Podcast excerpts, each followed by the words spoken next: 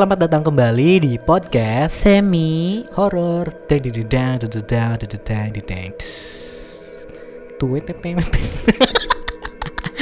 YKS YKS. Ya. Yuk kita sahur. Iya. You keep smile. Setelah bulan Ramadan selesai, oh, jadi ganti nama jadi You, keep, smile. Tadinya kan WKS ya, waktunya kita selalu. Hmm, jadi YKS Yuk kita sahur. Terus pas Jadi bulan Ramadan beres, jadi You keep smile. Keep smile. Di episode 49 Yes, episode 49. Iya iya iya iya Gak usah berlama-lama langsung aja kita bacain cerita. Episode 49 dapat cerita dari penulis malam 94 Langsung saja Oh iya ya judulnya ini nih apa namanya Langsung aja baca. Oke siap Anjay. Judulnya pasti mereka udah baca sih. Iya sih Oh iya benar di judul Iya. Langsung aja nih. Malam itu sekitar pukul 9 malam, aku, Bisri dan Mama yang sedang menonton acara televisi di rumah dikejutkan dengan suara decitan rem mendadak. Ulangi. Oh, decitan rem mendadak ya kayak. gitu kali. Enggak sih itu lebay banget kayaknya. hmm, bentar. Tak lama. Tak lama terdengar suara mobil bis berhenti serta teriakan dan tangisan orang yang mungkin lebih dari tiga orang. Suara itu kian riuh setelah kami bertiga memasang telinga baik-baik. Barang kami, barangkali kami salah dengar. Loh, Bi, itu sepertinya ada suara yang nangis-nangis di depan ya? Tanya mama kepada Bisri memastikan. Kamu dengar juga, Is? Dikira cuma Bibi aja yang dengar, jawab Bisri. Aku juga dengar suara orang teriak dan minta tolong. Akhirnya kami bertiga memutuskan untuk perlahan mengintip dari balik jendela terlebih dahulu. Dan dari luar nampak ada sebuah bis berwarna merah dan di sekelilingnya ada banyak orang-orang yang sedang menangis. Pada awalnya, Mama dan Bisri mengira jika mobil bis tersebut mungkin menabrak motor atau mobil karena akses jalan di kampungku itu bisa terbilang cukup ekstrim ditambah lampu pencahayaan yang minim. Bi, ayo kita samperin aja, barangkali kecelakaan. Ajak mama kepada Bisri. Iya, ayo Is. Itu banyak yang nangis dan histeris, takutnya ada korban jiwa. Bisri langsung setengah berlari keluar rumah untuk mendekati bis tersebut. Setelah diamati, ternyata bis itu adalah bis pariwisata yang mungkin bis sewaan dari pantai Pangandaran. Hmm. Dan benar saja terkaanku. Bis itu merupakan bis tadi tour rombongan sekolah menengah atas yang berasal dari salah satu sekolah swasta di Bekasi. Ibu, tolong bu, tolong kami, tolong panggilkan orang pintar atau ustadz yang bisa menolong anak murid saya. Kesurupan. Pinta salah seorang ibu guru paruh baya panik. Bisri kemudian segera berlari ke rumah salah seorang ustadz yang pernah menyembuhkan almarhum ayah tiriku. Oh, Mama segera. dan mama segera membuka pintu gerbang rumah, mempersilahkan para rombongan murid lain untuk masuk terlebih dahulu. Kala itu, aku berinisiatif untuk membuatkan teh hangat untuk mereka yang sedang bergetar ketakutan. Dan setelah mereka agak tenang, ibu guru pembimbing rombongan angkat bicara mengenai kejadian mistis yang baru saja menimpanya. Tiga hari lalu, sekolah SMK Budi Pekerti Bekasi ini nama sekolahnya disamarkan ya. Hmm.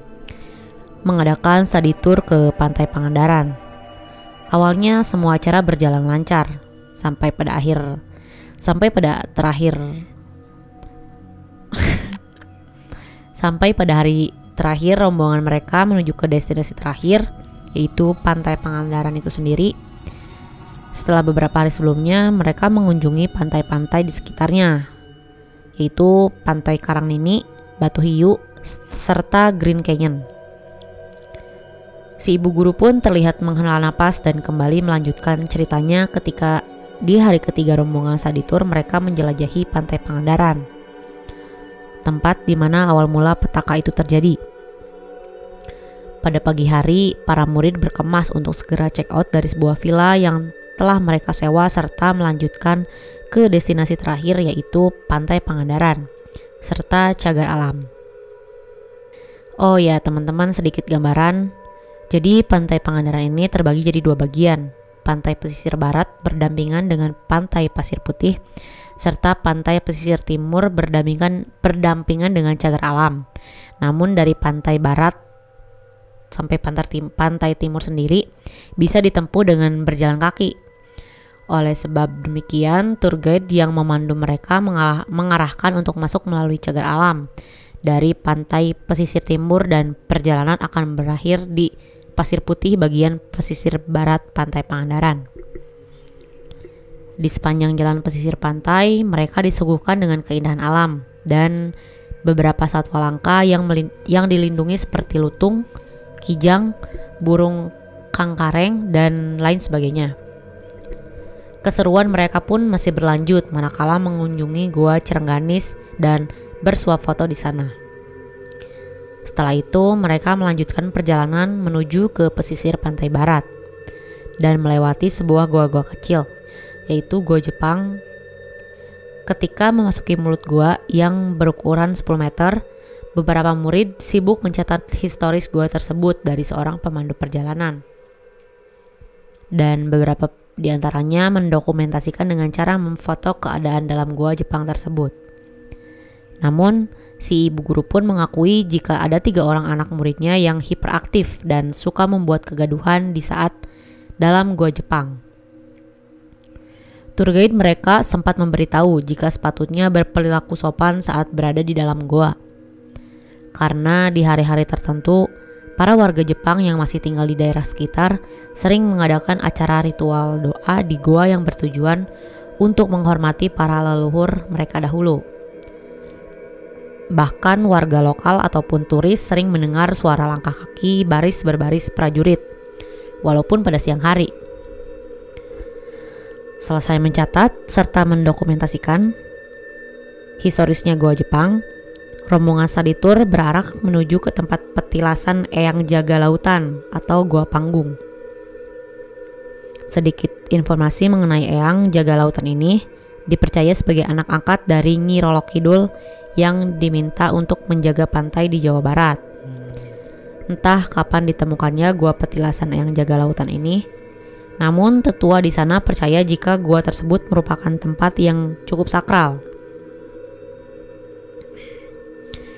ketika rombongan mereka melihat-lihat keadaan gua panggung atau petilasan Eyang Jaga Lautan, tiga murid yang suka berbuat onar tadi, sebut saja namanya Andi, Cipta, dan Rendra, dengan lancang mengambil beberapa batang rokok yang mungkin sengaja disimpan oleh para pengunjung. Di gua panggung tersebut, sebagai bentuk penghormatan kepada Eyang Jaga, tak hanya sampai di situ, mereka pun mengolok-ngolok seputar kisah hidup beliau karena memiliki tujuh istri dan tidak akur. Mereka bertiga seperti tidak memiliki adab ketika mengunjungi sebuah petilasan ataupun tempat historis. Justru seakan tidak mempercayai hal-hal tersebut dengan cara yang sangat tidak sopan. Bahkan menurut penuturan salah seorang teman, mereka menambahkan jika Cip kita yang saat itu kebelet ingin buat buang air kecil malah dengan sengaja membuang air kencing di dalam gua Jepang. Cipta sengaja buang air kecil di sana, padahal sudah kuperingati tapi dia malah hanya terkekeh-kekeh saja. Ucap salah seorang dari mereka. Mendengar hal demikian, Mama dan aku saat itu tak bisa berkomentar apa pun.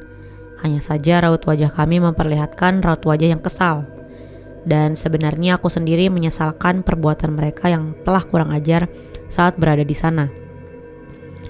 Tak lama dari dalam bus, tak lama dari dalam bus beberapa anak murid yang kesurupan dan sengaja dikunci di sana terlihat kembali meronta-ronta dan menggebrak-gebrakan kaca bis dari dalam. Bu, tolong bu, Dari mulai perjalanan pulang tadi mereka meronta-ronta dan bahkan sampai menyakiti teman-teman yang lainnya. Ucap si ibu guru yang kembali panik ketakutan. Beruntung di saat yang bersamaan nampak Pak Ustadz dan Bisri yang sudah kembali datang.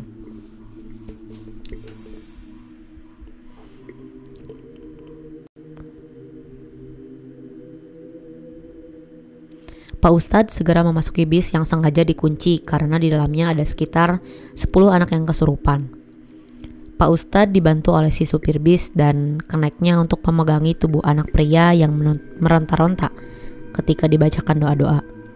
Serta Bisri dan ibu guru ikut membantu memegangi tubuh anak perempuan yang kesurupan karena tangannya mencakar-cakar tubuh mereka sendiri. Kalian gak akan bisa mengeluarkan kami, sebelum anak ini kembali meminta maaf. Teriak salah satu dari mereka. Dia sudah kurang ajar, dia berani mengencingiku. Anak ini akan kubawa ke alamku jika ia tidak segera meminta maaf. Ucap Cipta yang diketahui sudah dengan sengaja buang air kecil di dalam gua. Rendra kemudian menggenggam dan Rendra kemudian menggeram dan menimpali. Dia pun sudah berlaku tidak sopan Kembalikan barang milikku. Pak Ustadz menanyakan barang apa yang dimaksud dan tangan Rendra menunjuk ke sebuah tas hitam miliknya. Si ibu guru segera membongkar tas milik Rendra dan di sana terdapat sebuah batu hitam legam yang berukuran kecil. Rendra langsung kembali menggeram bak harimau dan berkata, Kembalikan batu itu, sekarang juga kembalikan atau kalian semua akan celaka. Teriak Rendra. Pak Ustadz saat itu menyarankan untuk lebih baik kembali ke tempat-tempat yang sudah disinggahi oleh mereka di malam itu juga. Karena jika tidak akan berakibat fatal bagi anak-anak yang lainnya. Dengan terpaksa mau tidak mau, Bisri, ibu guru, Pak Ustadz, dan murid-murid yang kesurupan langsung berbalik kembali ke Pangandaran serta aku dan mama menunggu di rumah beserta para siswa-siswi yang tidak mengalami kesurupan. Ada pertanyaan yang mengganjal dalam benak mama dan ia sempat tanyakan ke salah seorang siswa tentang kapan saat kesurupan masal di dalam bis itu berlangsung dan siswa itu menjawab. Jadi setelah selesai acara study tour tadi, jadi setelah selesai acara study tour dari pagi sampai sore hari, mereka menyempatkan untuk makan malam di rumah makan. Saat itu Cipta, Rendra, dan Andi terlihat tidak mau makan dan tubuh mereka panas menggigil. Saat kembali ke dalam bis, Cipta mula-mula berteriak-teriak keras dan matanya melotot. Melihat kondisi Cipta yang seperti itu, ibu guru justru memerintahkan untuk segera bergegas pulang dan tidak menghiraukan tingkahnya yang aneh. Mengingat biasanya memang Cipta dan kedua teman yang lain ini suka bercanda dan pura-pura saja. Tapi kenyataannya ketika mobil bis sudah melaju, Rendra serta Adi serta Andi ikut mengamuk dan menyerang para siswa-siswi lain. Di sisi lain, tiga murid perempuan ikut tidak sadarkan diri dan tertawa mengikik. Serta empat anak laki-laki pun ikut berteriak meronta-ronta. Sontak saja semua ber, semua penumpang di dalam mobil bis menjadi panik apalagi saat melewati jalan menembus gelapnya hutan dan jurang. Tutup cerita si murid. Setelah hampir sekitar dua jam menunggu, akhirnya mobil bis itu kembali tiba. Bisri, Pak Ustadz, serta ibu guru segera keluar dari bis. Alhamdulillah Is, akhirnya anak-anak itu sudah berhasil sadar kembali, ucap Bisri. Gimana Bi, sehabis dari mana? Gimana Bi sehabis dari sana? Tanya mama penasaran. Nanti saja Bibi ceritain ketika mereka sudah pulang, Bisri berbisik ke telinga mama. Sudah dipastikan 10 anak murid mereka sadar yang sudah dipastikan ke 10 anak murid mereka yang kesurupan sudah kembali sadar. Pak Ustadz pamit undur diri serta rombongan bisa ditur itu melanjutkan kembali perjalanan mereka menuju ke Bekasi. Terima kasih Bu sudah menolong kami. Terima kasih juga Pak Ustadz dan sudah mau merepotkan. Mungkin ini ada sedikit kenang-kenangan dari kami untuk Pak Ustadz dan Ibu Sri serta Ibu Iis. Ucap si ibu guru sambil memaksa memberikan amplop dan langsung berpamitan. Aku tanya Bisri tentang cerita yang tadi mereka alami di sana. Hmm, iya.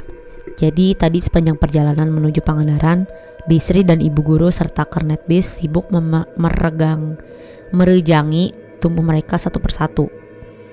Ada yang meraung-raung seperti harimau, ada yang menggunakan bahasa Jepang, serta ada pula yang menangis lalu mengikik seperti kuntilanak. Sesampainya di sana, kami disambut dengan wewangian menyengat bunga melati dan gemuruh angin seperti hanya berputar-putar di, di sekeliling kami saja. Bisri melanjutkan ceritanya ketika ia menyusuri tempat-tempat yang disinggahi para rombongan tur untuk mencari tahu di mana letak batu hitam legam yang, yang diambil oleh Rendra dan langkah mereka terhenti di depan mulut gua Cirengganis. Pak Ustadz Pak Ustadz kemudian memerintahkan untuk membuang batu hitam itu ke dalam gua karena ia melihat dengan mata batinnya jika batu itu memiliki hodam harimau penunggu gua. Pak Ustadz pun menyayangkan tindakan Rendra yang sembarangan mengambil batu itu. Bu, tolong meminta maaf terlebih dahulu kepada penunggu di sini sebagai perwakilan dari Rendra agar ia bisa cepat sadar.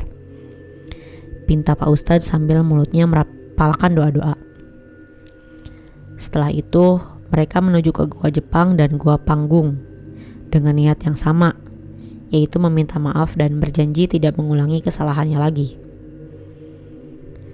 Akhir cerita, mereka yang kesurupan bisa kembali sadar dan saat di dalam bis salah seorang murid bercerita jika saat mereka tidak sadarkan diri, mereka seperti dibawa ke sebuah kerajaan megah yang mana prajuritnya berpakaian serba hijau.